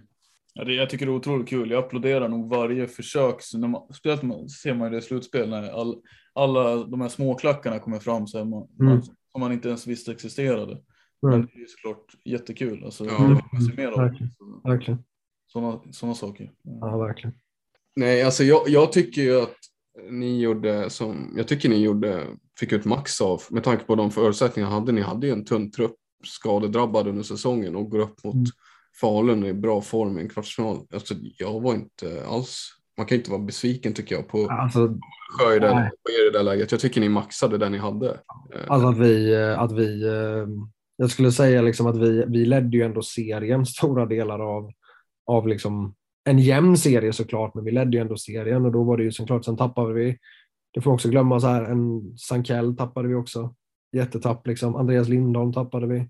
Vi fick in, vi hade liksom det var ju någon, någon match vi spelade, liksom, men du vet, jag, Adam Fransson, Gustav Irman, Johan Ny, pensionerad Johan Nygård. alltså, det, här, det, var ju, det var ju bara så här, vad är det här? Är det 2014 det här? ja. Du vet, och vi gick ju lite och vi ändå, slutade ändå med att vi var liksom så här, ja men vi var väl några poäng från topp fyra liksom. Så det är så här, efter för, precis som du säger, håller med, efter förutsättningarna så är jag jättestolt med vad laget gjorde liksom. Och man vet att det är, en, det är tufft liksom. Och att vi ändå stundtals spelmässigt hängde med Falun liksom också ett kvitto på att vi gjorde av rätt saker, även om det liksom aldrig var nära, om ni förstår vad jag menar. Um, Hänga kvar lite snabbt där. Alltså, mm. Gustav Irman, alltså är det säsongens joker? Alltså det är, jag, jag satt helt chockad framför datorn när jag kollade på sändningen. Alltså vad håller han på med? Men jag minns ju, alltså vi, jag är ändå, eller vi är en så pass gamla, ja. jag minns ju ändå när han spelade innan han liksom slutade elitspela. Alltså mm. när han fortfarande, jag vet inte om han spelade i allsvenskan eller någonting. Så här. Men han ja. var ju bra i allsvenskan, han var, men han var ju absolut inte så som han, eh, han, han, hade, han lekte innebandy stundtals i slutspelet. Och jag, vad har han gjort de senaste åren egentligen? Det här ska... Han är polis, han har pluggat till polis. Alltså. Han är en jävla björn. Det är en nära vän, det är en, en nära vän till mig. Ja. Men eh, ja, jag, jag, vet inte om man ska problematisera just det heller, att man kan Ja, det var joker. Det var en härlig joker i alla fall när han gjorde hattrick borta mot, äh, mot äh, när han gjorde hattrick borta mot äh, Kalmarsund var det liksom. Och så sa ju, så sa, så sa ju Bergamo tränare så vet man så här bara, nu ska vi möta, nu ska vi möta Djurgården hemma. Nu kommer han skjuta hundra skott utan att passa. Du vet, så här, nu, nu kommer han bara skjuta. Kul att vara backen då och spela honom. Ja. får man lite alltså, ja. En av mina andra bästa polare har ju varit vänsterback bredvid honom när han stod i fickan. Gustav är ju, han skjuter ju mycket och har ju inte... Han kan skjuta, hans storhet är att han kan skjuta 18 bollar i täck. Ja, och sen den sista minuten så hade alla andra passat. Men han fattar inte att han ska passa så han skjuter igen och då gör han mål. Alltså du vet, han, sån, sån är ju han liksom. ja, spelsinnet kanske inte... Nej. Men det, är, men det är också det som gör hans storhet, för han slutar ju aldrig heller. Förstår du vad jag menar? Nej, nej, nej. Det är som en fattig mans Galante Karlström. Ja, exakt.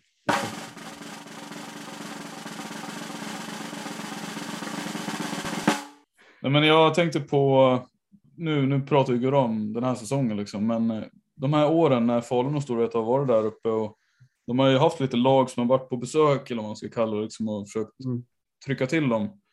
Mm. Är det något år du känner där ni skulle ha, där ni kunde ha gått hela vägen eller vad man ska säga? Mm. Ja, alltså vi... Eh, alltså vi mötte, vi har, ju- det ska tilläggas också liksom att vi har ju åkt vi har ju åkt ut alla våra slutspel mot Falun eller Storvreta förutom ett. Det var ju vårt andra slutspel. Då åkte vi ut mot Växjö med 4-1 i matcher. Det var ju när de spelade sin första final. Och då kommer jag ihåg, det var ju liksom, de var väldigt bra då. Det var en tight serie. De hade Kåsonen, kommer jag ihåg, var, han var ju. Mm. sån jävla vägg då alltså. Alltså det var verkligen, eh, det, det var ju tungt. Sen var det, vi hade något år när vi förlorade mot Storhet när vi slog ut Pixbo med 4-1 i matcher. Tror vi vann, vi vann liksom, då, var vi då hade vi ett riktigt bra lag, men då, hade också stor, då förlorade vi med 4-2 mot Storvreta. Då hade de också ett riktigt, riktigt bra lag. Sen är det egentligen, alltså man säger den covid, eh, när vi åkte ut nu, när var det förra året var det va? När vi åkte ut, eh, när vi åkte ut mot Storvreta med 4-2 i matchen när de avgjorde den sista i sadden där med den där tveksamma utvisningen. Ja, just det. Eh, det var nog egentligen första året. Alltså om man säger så här, de, de andra åren, alla de andra åren har man liksom kunnat känna, vi gjorde vårt bästa. Vi fick ut mycket av våran trupp, men ni var bättre. Liksom, det, det, är det, är liksom, det är ganska enkelt att gå vidare från. Men den, den serien, alltså man kan säga de andra serierna har man känt att skulle vi vunnit de serierna så skulle det ändå varit anmärkningsvärt om ni förstår vad jag menar. Att det liksom, okej, vi är bra, de är bra, men hade vi vunnit hade det varit en typ av skräll. Medan det året innan det, när vi mötte Storvreta, från 4-2, då upplevde man liksom att det här, det här hade vi lika gärna kunnat vinna och det hade inte varit konstigt. Förstår du vad jag menar? Att det var första gången man kände så här, vi kände spelmässigt är vi lika bra som de här. Det här är liksom, vi behöver inte överprestera för att vinna det här. Och Nej. det var, lite, det var lite annat. Sen är det ju små marginaler och de är också ett, sju- de har också ett sjukt bra lag. Liksom. Det, var inte, det är inget för att nedvärdera dem, förstår jag menar? Men man känner efteråt en annan, liksom, det hänger kvar lite mer när man känner att fan, det här kunde vi lika gärna vunnit utan att skäms för det. Liksom. Lite svårare att gå vidare från liksom. Ja, det var lite, det satt lite, lite hårdare samtidigt som det så som det tog slut var inte så jävla roligt heller. Nej. De, de där åsikterna, det finns ju olika åsikter i det här tror jag, men är du en av de som tycker det är ett problem med de här två stora drakarna som har prenumererat med på SM-titlarna, eller ser du det som någonting positivt snarare? Bra fråga. Alltså det... Ja, men jag tycker liksom, för mig har det alltid varit en... För mig har det alltid varit en drivkraft. Alltså jag har alltid använt det som en jättedrivkraft för liksom att så här, okej, här är nivån. Så här är ribban. Här är vad man behöver göra. Här är måttstocken. Ska vi liksom, ska vi nå på de här över liksom sju matcher och liksom göra jag menar, typ ta den här säsongen till, till exempel. Liksom, att, att vi åker mot liksom att vi åker mot Falun i kvarten eller att hade fått inte bli valda av Falun och få möta ett annat lag. Inte Falun Storvreta skulle gå vidare till semin och sen åker mot Falun i kvarten ändå. Det spelar ingen roll för mig. Alltså det är så här. Vi vill ju hela vägen. Vi är inte där för att nu måste vi över kvartsfinals. Liksom. Då spelar det ingen roll. De är benchmarken för vad man behöver Det är de man ska slå liksom. det är de man ska slå. Och det sätter, lite, sätter standarden för vad du behöver göra. Och det är en jävla utmaning och den utmaningen har jag alltid gått igång väldigt mycket på. Och det är inte bara liksom, det är inte bara mig själv, liksom, utan det är ju vad vi som klubb, förening, liksom, vad behöver vi utveckla i spelet? Vad behöver vi trä, bra tränare behöver vi vara? Allt, allt liksom. Det har ju drivit oss framåt jättemycket. Eh, Storvreta är ju något annat känner jag liksom spontant med sin, eh, vad ska jag säga, alltså de hör ju hemma i en storstad, eh, Falun är inte riktigt en storstad på det sättet. Falun tänker jag kanske kanske de mer påminner om Mullsjö lite grann. Liksom. Även om det också är helt olika. Ja, mm. Om vi jämför Mullsjö med Falun. Ja, jag, fattar, jag, fattar, jag fattar. Men jag tänker en klubb som verkar lite mer ute på landsbygden. Har du tänkt på några uppenbara skillnader mellan föreningarna som gör att som du tror skulle kunna förklara hur det ser ut? Liksom? Mm. För jag menar, de har väl ett bra innebandygymnasium. Det finns väl ett bra innebandygymnasium i Jönköping eller vart ligger det? Ja, det försvann ju. Mullsjögymnasiet försvann ju när jag tog studenten. Det är tyvärr. Vi har ju väldigt lite underifrån tyvärr. Men, eh, ja, men jag, skulle ändå säga, alltså jag skulle ändå säga att det är liksom en... Alltså sen är det så, Falun har ju varit liksom en... Falun har ju varit en... Eh, liksom, de var ju ett lag i SSL innan. Sen har de ju haft, inte, jag ska inte säga turen, men de har fått in en riktigt bra generation som de har mm. kunnat bygga på. Alltså de har kunnat bygga på Emil Johansson, Galante Karlström och Enström. Liksom. Mm. Och, eh, och sen har de kunnat bygga på det och haft många andra bra kärnspelare där runt omkring som har spelat länge i många säsonger och rekryterat bra. Både varit långsiktiga, både varit kortsiktiga, men också haft resurser. Liksom. Så de har, de har gjort det bra organis väldigt bra organisatoriskt också. Sen är det ju så om man, tar jämför med liksom Storvreta så tycker jag de Liksom, jag, jag kommer ihåg, vi läste, jag läste någon, det var väl något år sedan man skulle ha positiva resultat tror jag. Storvreta gick liksom vet, någon miljon back, en miljon back. Och i innebandykretsar skulle det ju kunna vara liksom att gå en miljon back är ju ganska mycket liksom ekonomiskt. Jag vet det var, gick snack om att det blir liksom, eller kommer ni ihåg det när det var, man skulle ha positivt resultat typ. Ja, det, de fick ju jättemycket skit. Ja, de fick ju jättemycket skit och det tycker jag med all, med all rätt för att, liksom att, att andra klubbar gör allt de kan för att bedriva sin ekonomiska... Alltså liksom att, nej, vi kan inte värva den spelaren för vi har inte de pengarna. Och så går någon och lägger en miljon som man inte har. Ja, nej, men precis. Alltså på en spelare, alltså i en ja. spelartrupp är ju det.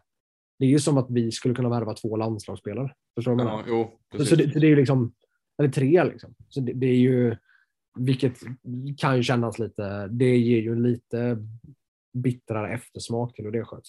Är det, grämer det dig eh, att du slutar nu innan ni fått, eller, ja, innan Majs har fått uppleva den stora drömmen hela vägen fram i SM-final? Alltså grämer och grämer, det är klart att, det är klart att, eh, det är klart att jag hade velat göra det. Alltså det är klart att det hade ju varit min stora idrottsliga dröm. Uh, och sen är det ju såklart att alltså, jag ska inte sticka under stolen med typ att VM till exempel var ju svin. Alltså jag kollade ju inte på VM. Liksom. Jag tyckte det var skitjobbigt. Eftersom att jag har varit med två finaler liksom, och förlorat båda. Och det, är ju liksom, det är ju fortfarande jobbiga minnen. Liksom. Mm. Just för att man, liksom, man drivs mycket av att få en gång stå där när allt är slut och bara få vara vinnare. Bara få känna liksom att nu är du en vinnare och ingen kan ta dig ifrån dig. Liksom. Men det är någonting man liksom har, det har man ju fått lära sig att leva med och förlika sig med. Och, och trots det, alltså jag, jag förstår mig att jag skulle här sitta och ljuga om jag sa att jag inte brydde mig och tyckte att det var jobbigt att det har hänt. Om ni förstår mig. Jag skulle ljuga om jag sa att det inte rör mig. Och det är någonting positivt för då visar man att man har passion och att man vill, man vill någonting. Eh, och att man bryr sig om sin idrott och sina framgångar. Liksom. Men, men, men, men å andra sidan kan jag också vara jätteglad för det jag har fått uppleva och det jag har gjort med. Liksom. Du sa ju också alltså, att du, i och med att du har hittat kärleken så har du fått ja. ditt liv liksom har lagt sig på det sättet. Ja, det, det, hade jag inte träffat Isabella hade jag tyckt att det var mycket jobbigare. Om man säger.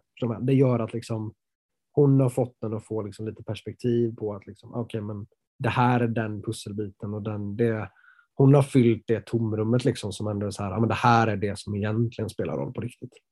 Vilket är helt underbart. Det finns ett par spår här som jag skulle vilja gå, gå in på. Den ena det är ditt, eh, du nämner ju flera gånger att du har varit med om väldigt mycket fina saker och stora grejer. Mm. Vilket är ditt främsta minne då? Från din elitkarriär? Ja, men jag, skulle säga, jag skulle säga två, jag har två väldigt starka minnen. Jag tror mitt första starka minne tror jag är när vi, vårt första slutspel, när vi ehm, när det är liksom innebandyfeber i Mullsjö. Vi har tagit oss till vårt första slutspel. Vi blir valda av Stora Storvreta som är liksom piken av sin, sin uh, prime, eller liksom så här peak typ. Uh, vi blir valda av dem. De kommer ner till Nyhemshallen första matchen. Vi vinner med 4-3. Liksom, vi aldrig spelat, det är bara Gillek som har spelat slutspel innan. Liksom. Uh, vi vinner med 4-3. vi går ut, vi ska hålla en tight grupp, vi står och joggar ner och så när hela publiken är kvar och bara klappar liksom i 20 minuter efter. Typ. Alltså då, då fick man liksom så här. Det var också så lite som att här, alla slöt upp, liksom, som att nu är det slutspel, nu är vi bakom er, nu är vi med er på den här resan. Liksom. Um, det har jag som ett otroligt, så här, först, du vet, förstår du, ett första starka minne. Liksom att, Mm. oh, nu gör vi något annat. Nu, gör, nu upplever jag någonting jag inte upplevt innan. Liksom. Eh, dels det och sen var det väl, eh, sen skulle jag väl ändå säga så här som personligt var väl när jag liksom fick avgöra en, sad, en, en um, semifinalmatch i sadden hemma, på hemmaplan. Liksom. Det var ju liksom så här att få, att få stå i centrum av den, eh, eh alltså vad säger man? Alltså att få, få avgöra en slutspelsmatch på hemmaplan för 1600 och i Nyhemshallen liksom, när det bara är, nu är det 2-2 i matcher, tack och hej. Alltså, den, den känslan är ju svår att ta på. Liksom. Och som sagt, supportrar och den stämningen. Är... Ja, ja, ja, visst, ja, visst. Vilken match pratar vi då för de som inte har koll? Det här, är, det här är slutspelet 2000, jag tror det är 17-18 skulle jag tro. Det är semifinal 4 hemma. Så vi kvitterar till 2-2 i matchen. Är det en eh, boll du har sparat? Nej, det är det inte. Det är inte så. pass. Ja, okej. Jag noterar här att du inte nämner uppflyttningen med Mullsjö. Ja, men det, det är också så här, det ska tilläggas att uppflyttningen då, då är liksom, då är jag fortfarande, det här är också rätt intressant då, för då är jag liksom, du vet, i det här läget är jag uppflyttning i Mullsjö, då är jag 16, jag går i tvåan på gymnasiet. Det är väldigt viktigt då, för då är liksom, tänkte då som jag berättade innan med vem jag var då, jag var inte den här, kanske du vet den här lag, liksom, jag var duktig på innebandy, men jag var också så här, du vet, visade inte så mycket känslor, visade liksom ingen så här passion när man gjorde mål, jag var ingen så här lagspelare på det sättet. Och då var jag ju heller inte en av de bästa spelarna, så jag var ju liksom, jag satt ju på bänken en del och var lite in och ut sådär. Jag kan tänka mig att många äldre tyckte att jag var en, så här, en menlös junior som hade talang men inte fattar vad, vad det handlar om egentligen. Och då när man liksom blir lite åsidosatt och inte får spela, då var jag ju inte en, förstår man, jag var ingen ryggdunkande som bara, vi är ett lag som gör det här tillsammans. Förstår man det? Så jag kände inte alls den delaktigheten i av att vara i ett lag eller vara en grupp.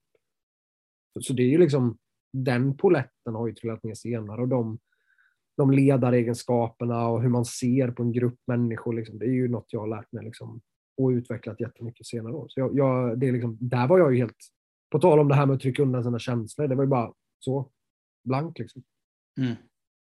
Ja. Men det där känner jag igen, det tycker jag man ser hos dagens junisar fortfarande, att det är väldigt, eh, på många håll så är det väldigt känslo, man ska inte, det är liksom... Man ska, det är coolt att inte bry sig. det är det här ja, gör man mål så är det liksom, ja, Ja, ingen min liksom, och så bara går man och sätter sig. Det är, kolla på, ta, ta en sån som eh, jag var, ba- bara en shout-out till någon som jag var sjukt imponerad av detta slutspelet som sen fick liksom vinna med Falun. Men kolla på, kolla på en spelare som eh, typ en Emil Rud. Liksom.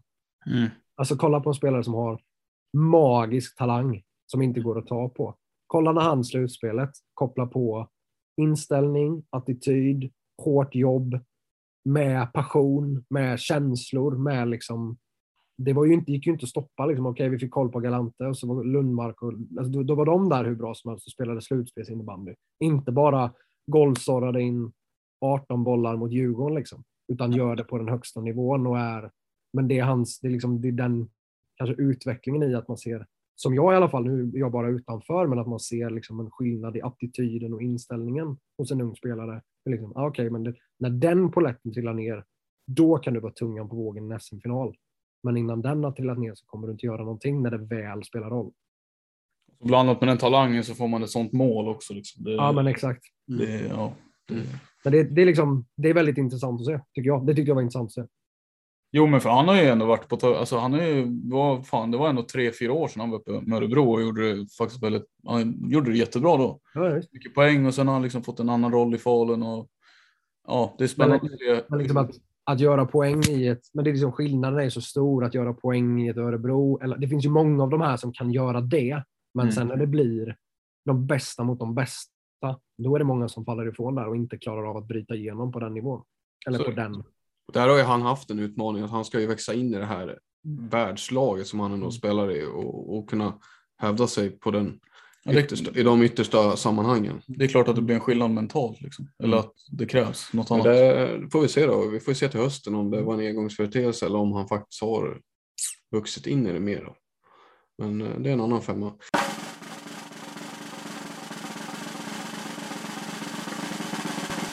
Eh, andra spåret jag tänkte på här Kasper, det, det gäller din landslagskarriär. Mm. Eh, det finns ju lite där också man skulle kunna ta i. 39 landskamper blev det om jag inte är Mm. helt utcyklad. Ja, det stämmer. Eh, en hel del pinnar.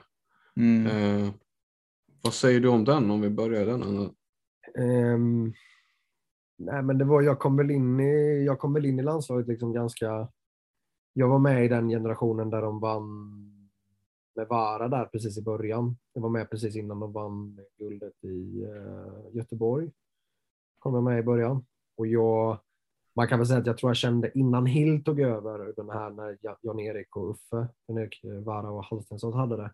Då kände jag mig nog liksom ganska sådär ja, men jag var med för att jag var duktig i SSL, men jag var liksom, blev, aldrig en, jag blev aldrig en del av en kärngrupp. Eller jag kände mig liksom att jag, jag kunde, och, och jag tycker också att jag presterade inte heller för att vara, jag bröt inte igenom den här barriären för att vara, nu är det jag som är med i det här laget. Och eh, det, så det, där var det liksom inte lika roligt kanske att vara med i landslaget, att man kände liksom att jag är med fast ändå inte med. Förstår du jag? Jag är med kontinuerligt fast jag vet att när det väl blir VM så kommer jag inte vara med. Fast jag kanske är den första som är på tur om det blir någon skada, vilket jag var i ett VM då. Eh, men jag känner fortfarande, liksom- jag visste ju liksom redan innan då att ah, men ska vi spela på 15 spelare till ett slutspel så kommer jag inte spela. Och det kände man ganska tydligt och de var ganska tydliga med det. Liksom. Eh, och det är inget, och det ska tilläggas att det var ju också för att jag tyckte att jag presterade heller inte när jag var på landslagslägren så som jag kunde. Så bra som jag liksom. Jag tyckte inte att jag förtjänade mer heller. Eh, sen när Hill tog över, då var han ju tydligare med liksom att ja, men, då kände jag direkt liksom att ja, men, han har haft mig i Mullsjö, han vet vad jag kan, han tror på vad jag gör och vet vilken förmåga jag har. Liksom. Då fick jag ganska snabbt en, liksom, en mer framskjuten roll och då direkt när jag fick den rollen så började jag också prestera mycket bättre och kände mer liksom att ja, men här hör jag hemma och här är jag liksom, jag behöver inte skämmas för att vara här med de här spelarna. Jag vet inte om, förlåt om jag får, Ja, ja. jag, jag vet inte om det är den vändpunkten riktigt kanske, kanske fel att säga det, men det som sticker ut för mig när jag känner så här att nu är du verkligen, nu har han verkligen slagit sig in i den här kärngruppen och han, han är en av de eh, ordinarie som, ska, som finns med, som är, som är snarare de som eh, jagas än att du, du behöver inte jaga Mm. att slå dig in liksom. Det var World Games tror jag, 20, Ja, om där. Det, ja det, det, det är min enda titel.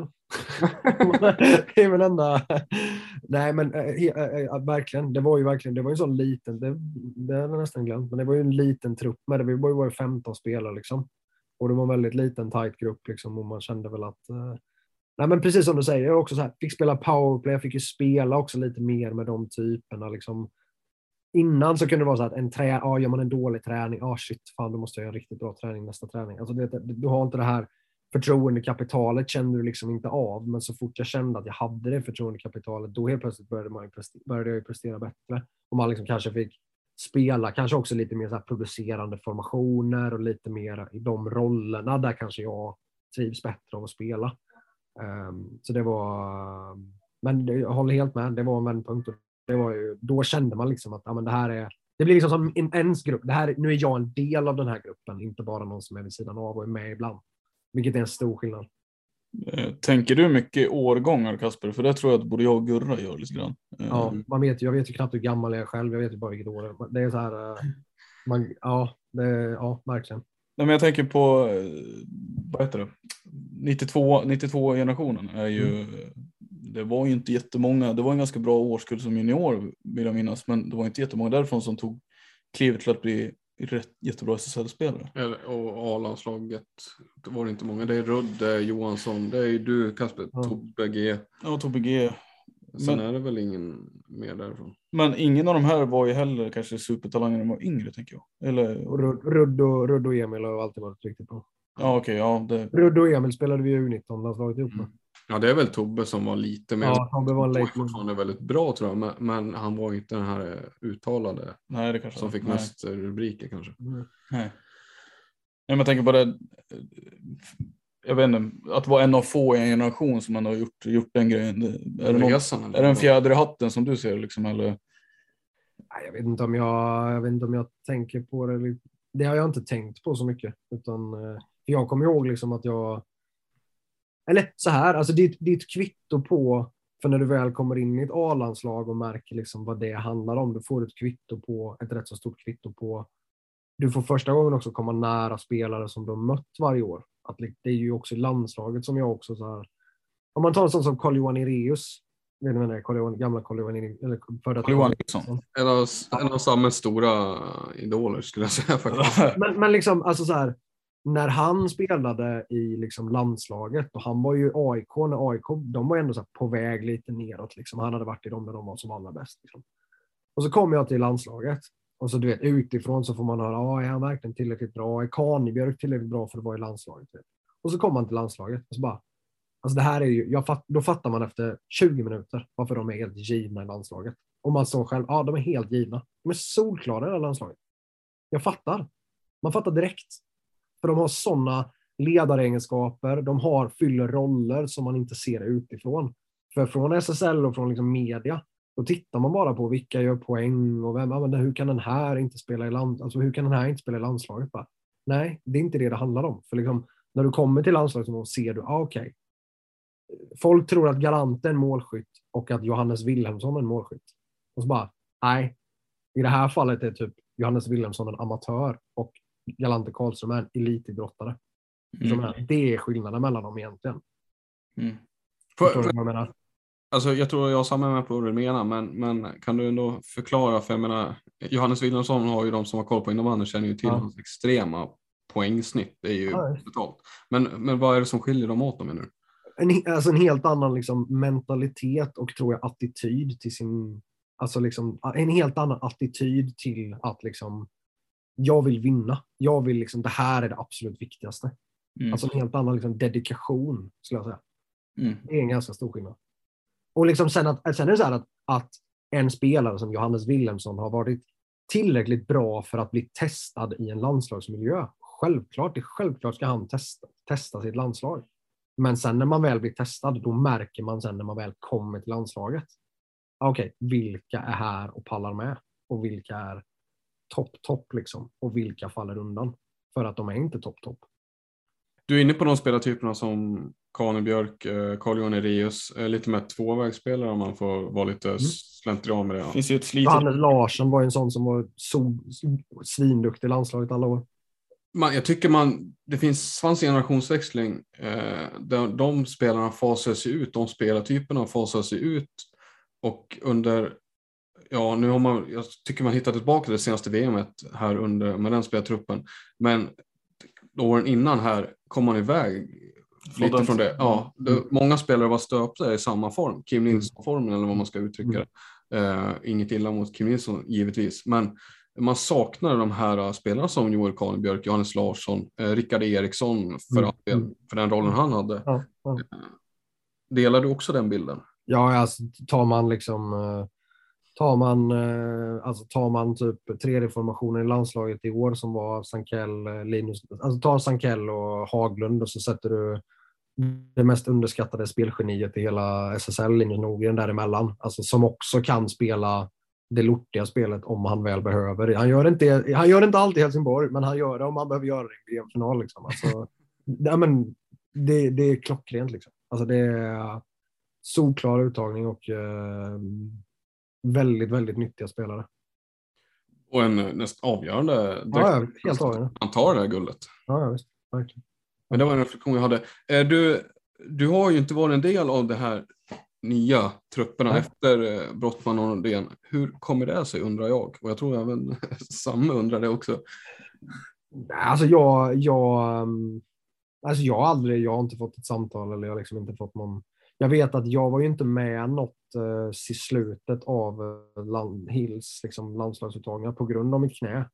För att det var lite överbelastat. Men sen så fick han ju inte vara kvar och sen eh, sen dess har jag inte hört någonting egentligen. Så det, är inget, liksom, det är inte så att jag har sagt att jag har stängt någon dörr eller så. Sen tycker jag liksom att så här, rent realistiskt så tycker jag ju heller själv inte att jag håller den nivån som eh, man behöver hålla i landslaget. Liksom. Det, det, stundtals absolut, men jag har inte liksom den inte riktigt skulle jag säga. Så att jag, känner, jag känner ju liksom att det finns vissa begränsningar för mig idag jämfört med Alltså jag menar vissa matcher de här två sista säsongerna har ju varit liksom så ett ben typ. Alltså du förstår vad jag menar? Ja, men du vet, ont i knät, måste spela, kan inte checka ut i hörnen utan får bara liksom spela på att läsa spelet men ändå är på planen hela tiden. Typ. Alltså du, du vet. Hade det spelat någon roll tror du, nu är inte jag någon så idrott, fysiolog eller så här, fysioterapeut, eller, men hade det spelat någon roll om du hade varit haft eh, snabbheten liksom från början eh, och ändå kunnat varit lite skadad tror du? Eller eh, hade det inte varit någon, spelat någon roll alls? Hade jag varit snabb hade jag aldrig hunnit med. Alltså det är så här, jag har ju fått bli bra på grejer för att jag är långsam, så jag bara så hade jag aldrig hunnit. Eller så är så, jag, jag, säger, jag brukar säga det oödmjukt ibland, säger det bara, hade, jag, hade jag bara varit snabb så hade jag varit bäst i världen. nej, nej, skämt åsido. Det, det, nej, det tror jag inte. Det tror jag inte riktigt. Man, eh, det är ju ett annat spelsystem också ja. som ja, de kör ja. nu, eh, som kanske, ja, kanske, som kanske inte passar dig optimalt. Nej. Det... Den speltypen du är? Ja, jag vet inte. Nej, kanske inte. Eller vad tycker, alltså, tycker du själv? Det är ju mer... Nej, jag, jag... Nej, alltså typ det, sen är ju det så här, det är, klart att, det är klart att det blir mycket en mot en, men samtidigt är det typ att, att spela ett sånt försvarsspel handlar också väldigt mycket om att kunna typ läsa spelet och kunna vara liksom eh, Alltså jag ändå, vi har spelat ganska högt i Mullsjö liksom i många, många år. Jag har kunnat spela ändå lite högre i försvarsspelet för att det handlar mycket om att, att läsa av spelet. Sen är det klart, jag kanske var bättre som eh, jag var ju kanske bättre som eh, när vi har spelat, om vi har spelat om 1-2 liknande i Mullsjö, då har jag ju oftare spelat den högre spelaren istället för Libron. För att Libron är ofta den som kan behöver kanske vara lite kvickare åt båda håll och vara lite mer man-mannig, förstår du menar? Mm. Medan de som är ett mittfält kanske lite mer zoniga och det handlar om att ta upp rätt zoner och vara, liksom, sätta press i andra lägen och läsa var bollen ska hamna och så. Liksom. Och, mer, och framförallt mer kommunikativ. Att man, är liksom, man leder spelet därifrån på ett lite annat sätt. Ja, ja nej, jag tycker det är tydligt att de ville någonting annat med landslaget. Eh, mm. Sen kanske inte alls så tydligt var det, var det ska landa, men det har ändå gått bra för dem. Ja, eller eh, VM-guld får man, det är godkänt. Sen är det ju så. Ja, det är ju verkligen liksom att, och det är ju där handlar det ju om liksom, alltså har, har land, av, av vad jag kan ha sett, liksom, har landslaget tagit uh, jättekliv mot att någon utveckling som gör att vi kommer dominera Finland i all framtid och dominerade vi den här, det här VM-turneringen eller liksom dominera de här VM-turneringen som Sverige? Nej, det gjorde de inte, men de fick in något annat som gjorde liksom att de blev bra på att spela den här matchen. De fick in mycket, hade rutin i Brottman tror jag som gjorde jättemycket liksom, och det ledarskapet som var där innan. Att, eh, mm. att liksom, det blev ett bra team för att vinna den matchen. Och det är ju lite olika saker. Liksom, att, okay, det handlar om VM-guld, men vad, det finns ju ett långsiktigt och ett kortsiktigt tänk, jag tänker mig som förbundskapten också. Ja, och det är ju väldigt, en väldigt bred fråga, jag vet inte. Men, ja. men jag tycker det är väldigt intressant i alla fall just med landslagsinnebandyn och på här sidan som det höjs röster från innebandyfolk om att Sverige är, eh, vi har halkat så långt efter Finland. Mm. Men jag menar, i ett VM så är det ju två matcher egentligen, mm. skulle jag säga, som man kan dra större växlar av. För det, mm. just med tanke på nivåskillnaden mellan länderna, mm. så kan man verkligen dra så stora växlar av en match som en VM-final är. Alltså det är ju så små marginaler, som kan man verkligen bedöma var vår utveckling i Sverige är på väg någonstans baserat på de matcherna? Det, det, är också en väldigt bra fråga för att det blir liksom det, det blir, hade man haft, hade man liksom som en handbollsturnering i, i, liksom i ett handbollsmästerskap, då får man ju liksom säga att du får, ja men säg att du får sex stycken tuffa matcher, då får du ändå någon typ av benchmark i liksom vad utvecklingen har gått. Men det är klart att mm, spelar man en VM-turnering så får du kanske bara två sådana där du får en måttstock för vart står vi? Och det kan ju vara så att det kunde ju varit så att Sverige, jag vet till exempel att, jag, hör, jag kollar inte på den matchen, men Schweiz var till exempel spelmässigt bättre än Sverige har jag hört i semifinalen. Men Edling stod på huvudet, och var hur bra som helst och så lyckades Sverige vinna matchen. Och så var det 6-1. Okej, okay, har Sverige en bättre utveckling? Liksom, ska den definiera? Det handlar om det långa och det korta perspektivet hela tiden. Det kan ju vara klurigt såklart när det är, det är så få matcher där det står på sin spets. Mm. Ska vi börja ta ner det här eller vad tycker du? Eller vill du fortsätta? Ja, jag känner att jag skulle kunna sitta här med Kasper i flera timmar. Men, ja, men då, kan vi, då tycker jag vi kan bjuda tillbaka dem senare. Ja, vi kan, det kanske. Tror jag inte han tackar nej till. Det gör jag gärna. Ja. Men det här är, jag tänker det har ändå varit eh, hans avsnitt eller vad man ska säga. Eh, Ja, jag hoppas han känner det också. Jag Ja, herregud, ni jag är jätteglad att ni hörde av er och jättekul att få prata gamla minnen och innebandy och, och allt. Jag tycker det är svinkul med innebandy och kommer gladeligen ställa upp på allt, allt det har att erbjuda efter, efter min karriär också. ja, kul att höra. Ja, Mm. glädjer oss. Mm. Vi brukar avsluta de sådana här samtal med ett segment som vi kallar innanför sargen, fem snabba.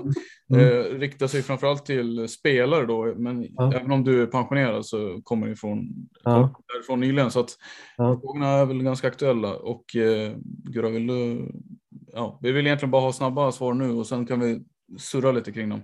Okej.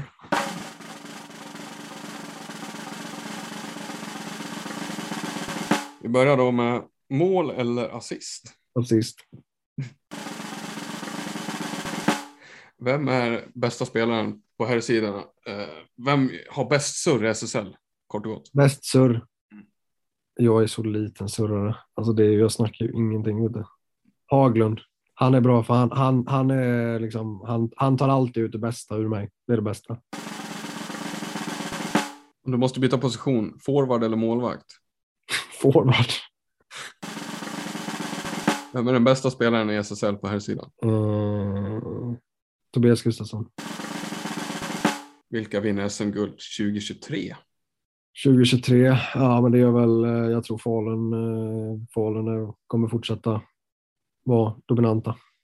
Ja, jag vet inte. Mål eller assist?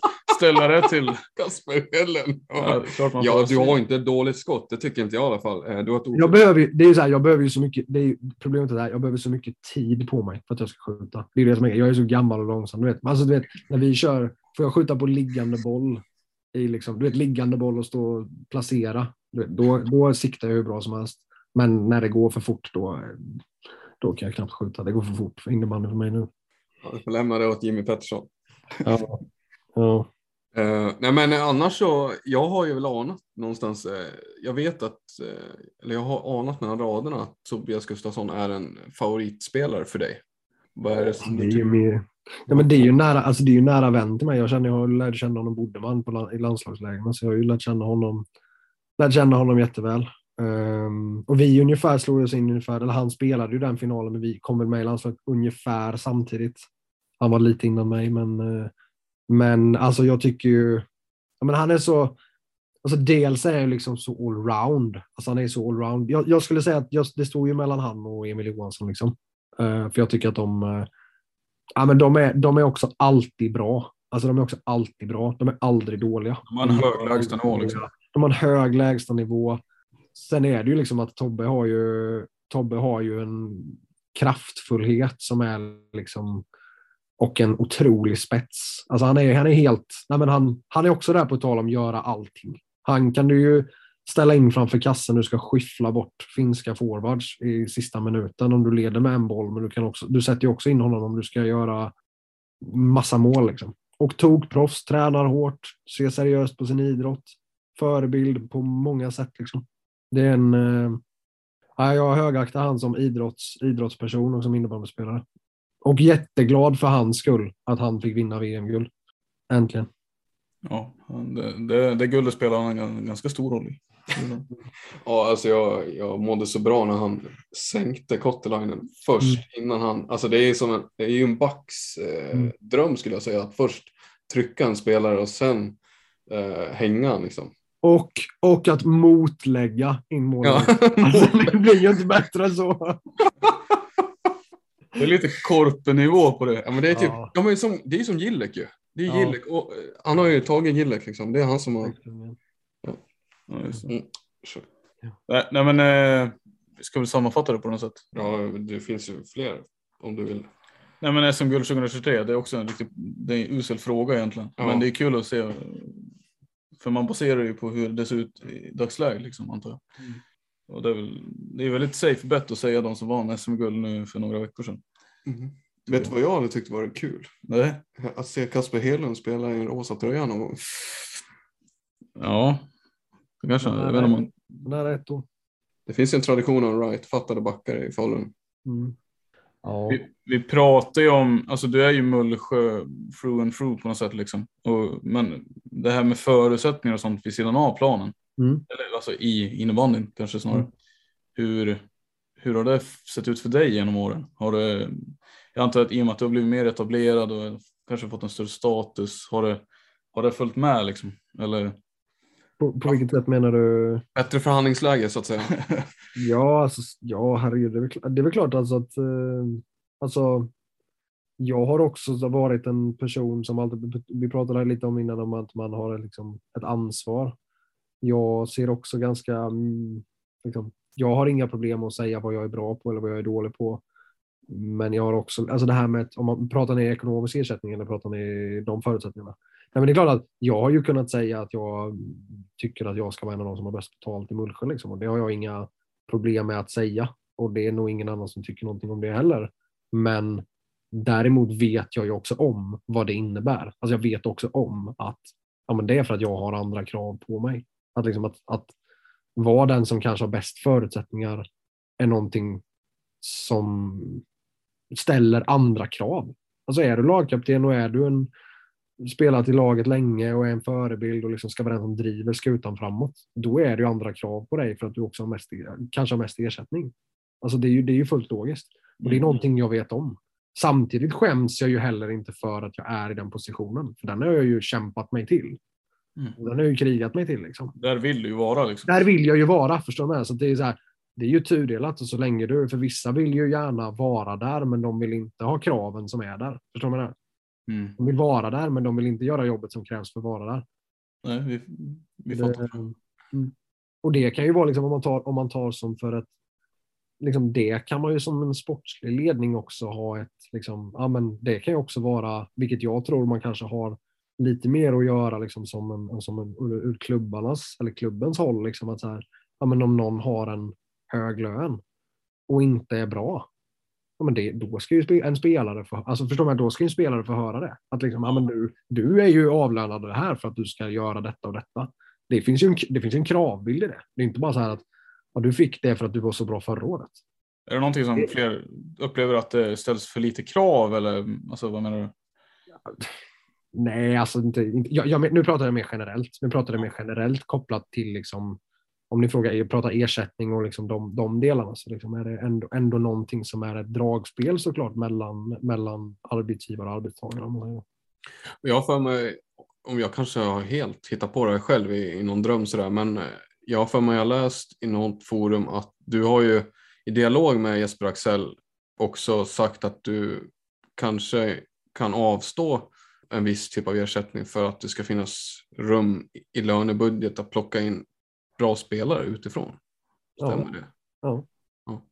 Det stämmer. Jag gick ner i lön denna säsongen till exempel. Eller inför detta kontraktet gick jag ner rätt mycket i lön. Och eh, någon gång tidigare när jag liksom skrivit något bra kont- eller skrivit något kontrakt så har jag sagt liksom när det var förhandling om någon annan. Eftersom att jag varit ganska involverad i vissa andra delar av liksom hur vi bygger laget och vilka spelare som är på gång och sånt. Så liksom, då har jag ju sagt någon liksom att ja, men ta, dem, ta den delen av min ersättning och ge någon annan. Alltså ge den här spelaren för att den ska bli nöjd. För att i slutändan är det liksom, jag blir inte lyckligare av 2000 kronor extra i månaden kontra om vi har ett bättre lag eller inte. Om ni förstår vad jag menar. Och det har varit självklart för dig att göra så. Ja, visst. Det är ju inga... Eller det är ju alltså det, det beror ju på hur man prioriterar. Alltså för att det viktigaste är liksom, förstår man att det, det handlar inte om mig. Alltså jag blir inte lyckligare av de pengarna. Alltså, eller lyck, förstår jag- Det, det är viktigare för mig att vi är ett bra lag. Det är liksom inte så att ah, men jag vill ha mina pengar. Mm. Och sen så, nej men då kunde vi inte behålla den spelaren. Kolla på NHL, det här med lönebudgetarna. Att liksom, ja men det är ju två spelare som ska ha sina fetingkontrakt. Och sen bara, ja då får vi säga hej då till resten som är bra. Och sen är de ett bottenlag. Kolla på Chicago. Ja, de är ett bottenlag i sex år nu. Edmonton. Ja, men, ja, men först, förstår ni vad jag menar? Det är ett bra exempel på liksom hur, hur det där, och så tar man eh, Tampa som har lyckats liksom behålla sina bra spelare till en lägre budget. Och då kan de bygga ett, lä, ett bättre lag över tid. Men ja, jag, jag förstår jämförelsen även om det, det, det blir lite komplicerat i USA med skatter. Ja, ja alltså, ja, jag, jag, jag, Men jag men principen, principen liksom. Mm. Det har ju William Nylander, om man ska ta ett svenskt eh, exempel, William Nylander har väl fått, ja, Han är inte deras eh, Torontos elitspelare. Det finns ju Memphis och Marner framförallt. Men Mm. han har en betydligt lägre lön än vad de har. Eh, Sen, ska- sen är skillnaden i USA också att det är en helt annan balans mellan NHL. Alltså de blir ju behandlade som djur också liksom på det sättet. Så att Mm. de, det, det finns ju lite annan anledning till att de inte är lika lojala mot sina klubbar också. Finns Det det. är, det är en handelsmarknad liksom. det är en handelsmarknad så det är ju rätt stor skillnad jämfört med innebandy. Så att säga. Men, men principen menar jag. Du ska ha stort tack för att du har varit med Kasper. Mm. Tack själva. Kul. Tack själva. Hoppas att Så du... hoppas att vi ses någon dag i någon hall någonstans. Ja, Ja, vi får önska dig lycka till i ditt Mm. pensionärsliv nu. Ja, tack så mycket. Tack så mycket. Detsamma. tack så mycket. Eh, Ja. Det har varit eh, andra avsnitt den här säsongen på DUSSL. Ni, ni ska ha tack för att ni har lyssnat, ni som har gjort det. Ja, och eh, vi hörs eh, utan Kasper Hedlund nästa vecka. Och eh, ni når oss som vanligt på våra sociala medier med Facebook och Insta, du SSL och samma, du kör ju lite Twitter också. Mm. Ja, hur går det med det förresten? Jag börjar växa till. Ja, återigen, Eh, Stort tack. tack.